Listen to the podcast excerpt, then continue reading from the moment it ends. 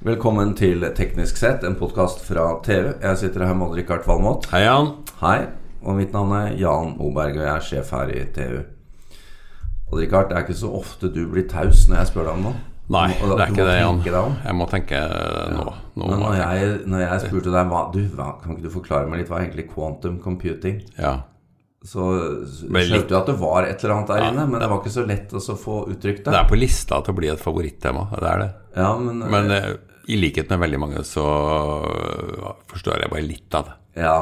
En ting er å forstå det, en annen ting er å uttrykke det. Å forstå det er, skal godt gjøres. Det tror jeg. Men eh, Så dit kommer jeg nok aldri. skal vi øve oss litt i dag? Jeg Ja, har- jeg syns vi skal gjøre det. Og det er jo Husk på at når eh, Nils Bohr eh, på en måte skjønte kvantemekanikken, så ville jo ikke Einstein være med på det. Nei. Så dette er vanskelig. Så når Einstein og Bohr Han, satt og Einstein skjønte ikke det. Nei, Når de satt og diskuterte, så gjør det ikke noe om vi sitter og diskuterer det. Jeg har ikke dårlig samvittighet. Uten sammenligning for øvrig. Nei, men eh, det er jo Er det forresten mange sånne up and coming favorittemaer? Ja, det er jo noen, men jeg syns altså quantum computing er stort, altså. Ja.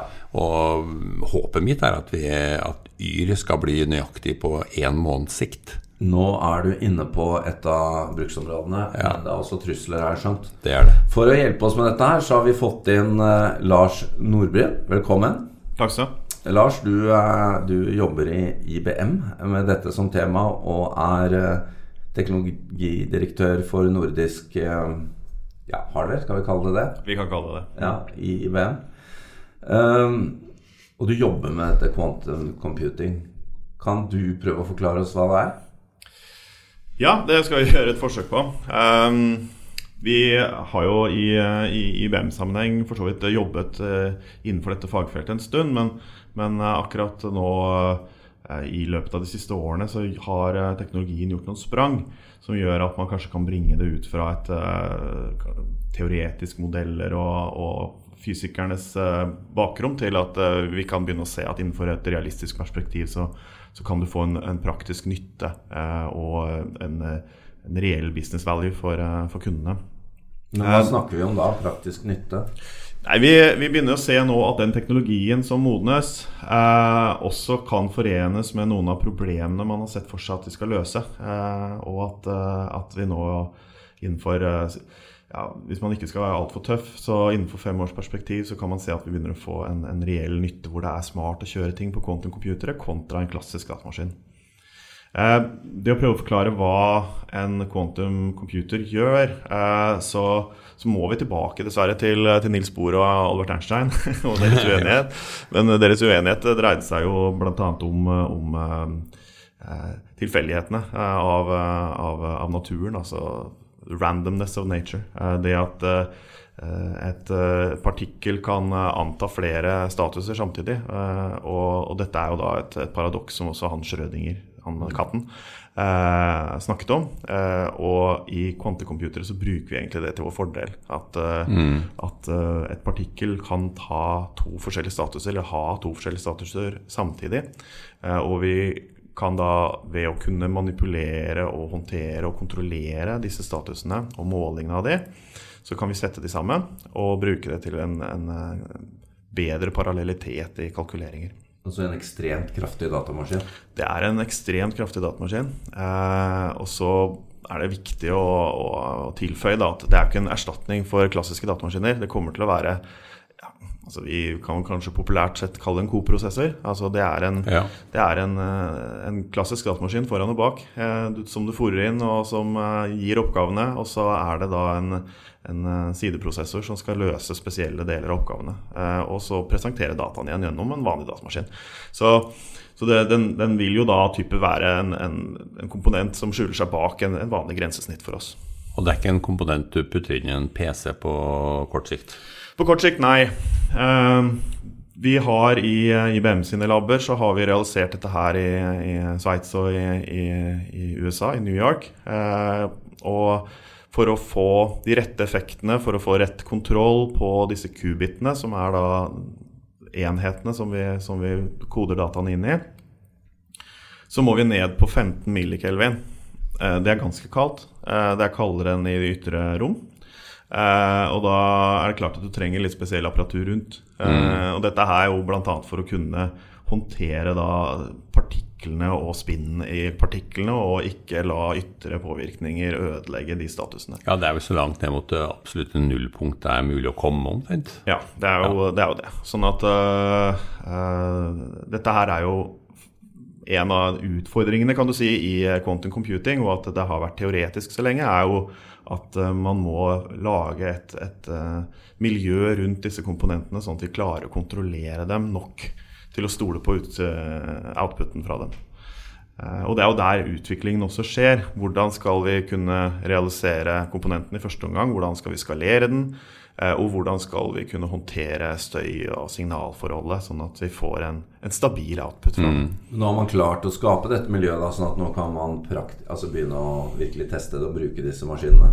Ja, vi har, eh, vi har eh, IBM har jo gått så langt nå at vi har lagt ut på, på nett, så det er mulig for, for, for, for menigmann å registrere seg og kjøre algoritmer direkte på en ekte kontummaskin.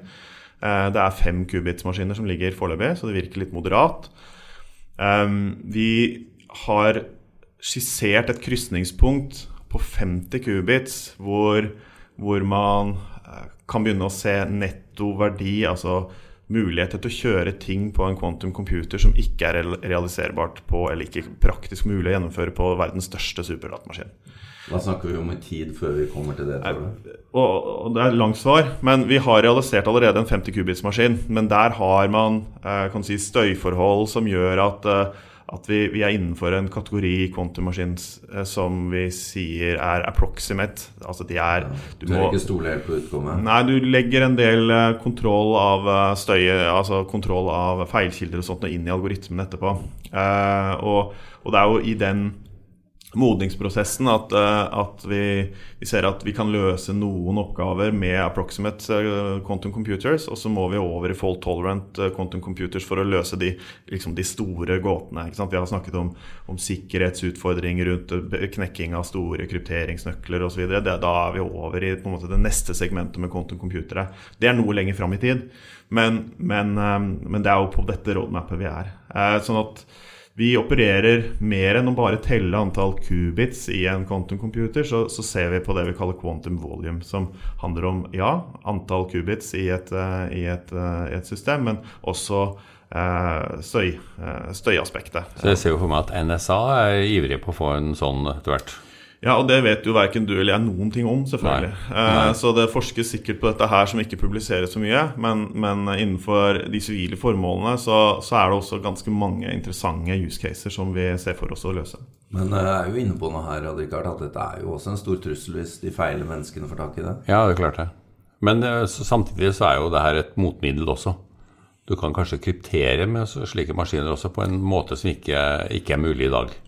Du skal jo alltid eh, utstyre deg med større maskin enn motstanderen din, selvfølgelig. Eh, og det er jo det vi selvfølgelig alltid jobber for å være et hakk foran. Ja.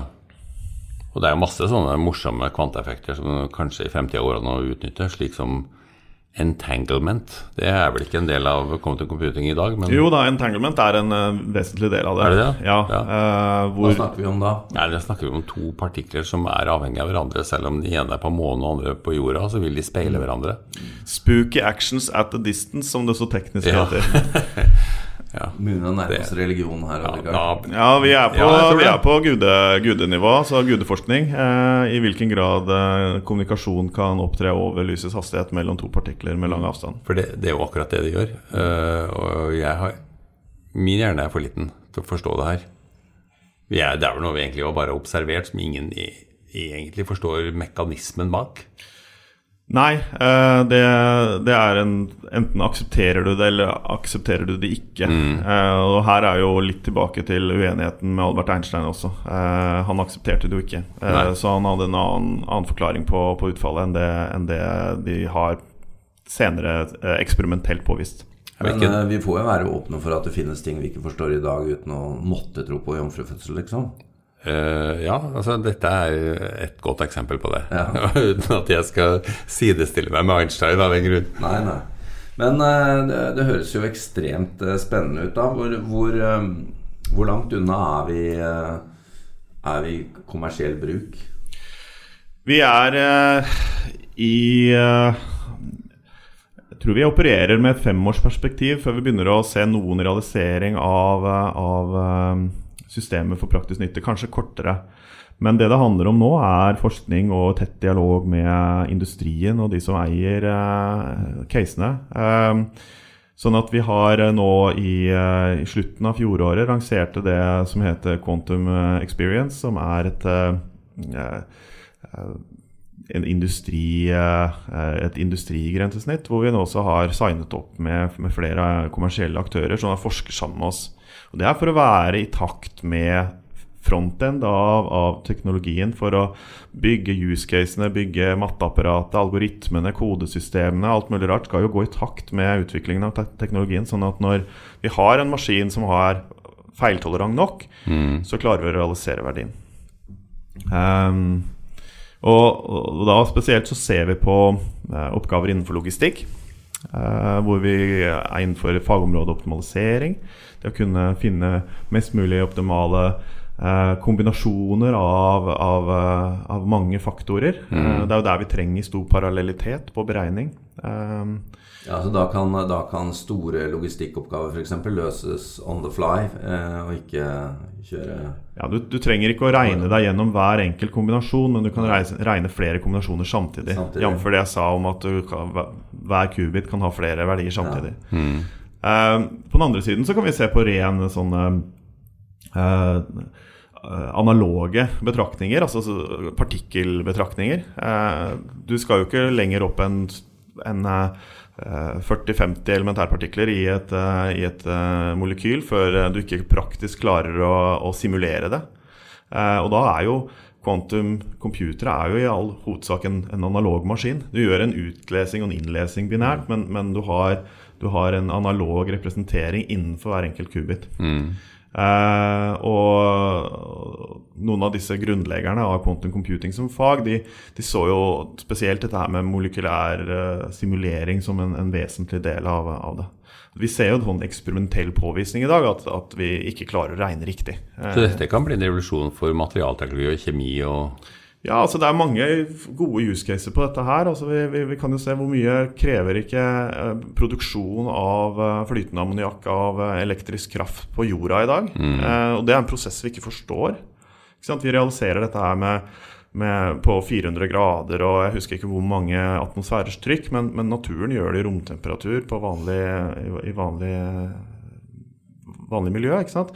Eh, hvorfor? Nei, det, vi er litt usikre på hvordan naturen klarer dette. Og dette, dette, er jo, dette er jo direkte nyttig sånn i økonomisk sammenheng å forstå sånne prosesser bedre. Mm. Så nå har vi to igjen. Vi har altså entanglement, og så har vi ammoniakkproduksjon av naturen. Så ja. nå har vi to sånne godly. Ja. Det med jomfrufødsel, den tar vi en annen gang. Ja, det, vi, vi jobber med det, men det er på det tiårsperspektivet, da. Det er lettere. Det er, uh, nei, det er jo ekstremt spennende, og eh, det er jo imponerende også med Må jo si det, Odd Rikard. Vi har jo vært uh, på et av disse IBM-forskningssentrene i Almeden utenfor San Jose i California. Mm. Hvor bre stor bredde det er på forskningen som foregår på disse sentrene. Her er jo IBM igjen da, inne på Quantic computing. Um, hva tror du Odd Rikard, om fremtiden for dette her? Jeg tror at dette er, ja, som du sier, dette er noe som kommer i tillegg til vanlig databehandling i løpet av en eh, femårsperiode. Uh, og så vil det gå sakte i begynnelsen, og så vil det bli veldig mainstream i løpet av 10-15 år. Hvor, hvor, viktig er det for, eh, for si, fremveksten av augmented reality og Watson og kognitive systemer og sånt, Lars? Nei, jeg, jeg tror jo at uh på samme måte som vi har gode historier på hvordan vi, vi kan eh, utfordre logistikkoppgaver og, og molekylær uh, simulering, så, så, vil også dette her med å, å komme raskere til mer presisjon på uh, deep learning-algoritmer og, og, modeller, nevrale mm. nettverk, uh, vil jo dette være en effektiv akselerator på den siden. Da. Ja, det er vel kanskje en, det å Hvis vi skal, noen gang skal klare å lage en, en ekte kunstig intelligens, så tror jeg det her kan bli et Du må ha med dette, et, uh, Ja, må, må nødvendigvis ikke, men det blir lettere. Mm. Naturen er jo kvantemekanisk, ja, sånn at uh, du må kanskje være kvantemekanisk for å lage en ordentlig simulering av naturen. Mm. Utrolig spennende. Jeg tror, eh, som vi ofte gjør, vi får bare invitere Lars tilbake når, eh, for en ny oppdatering. Når, når tror du det bør være, Lars? Skal, satser vi på et år, eller må du ha lengre tid? Jeg tror eh, det skjer nok ganske mye i løpet av det neste året. Ja. Gitt eh, hvor mye som har skjedd det siste året. Ja. Ja. Og når får værmeldinga kvantemekanisk beregning i bånn? Eh, Det tør jeg ikke å svare på. Men jeg tror vi da har kanskje noe lenger, lengre perspektiv. Ja. Har du hatt dårlig vær i det siste? året? Eh, det, jeg må vel svare ja på det. Ja, ok. Det kan vi Det i snødde i Barcelona i forrige uke. Vet du hva? Tusen takk, Lars Nordbyen. Dette var superspennende. Og Richard, vi får plukke opp et par av disse temaene videre. Det må vi gjøre. Takk for nå.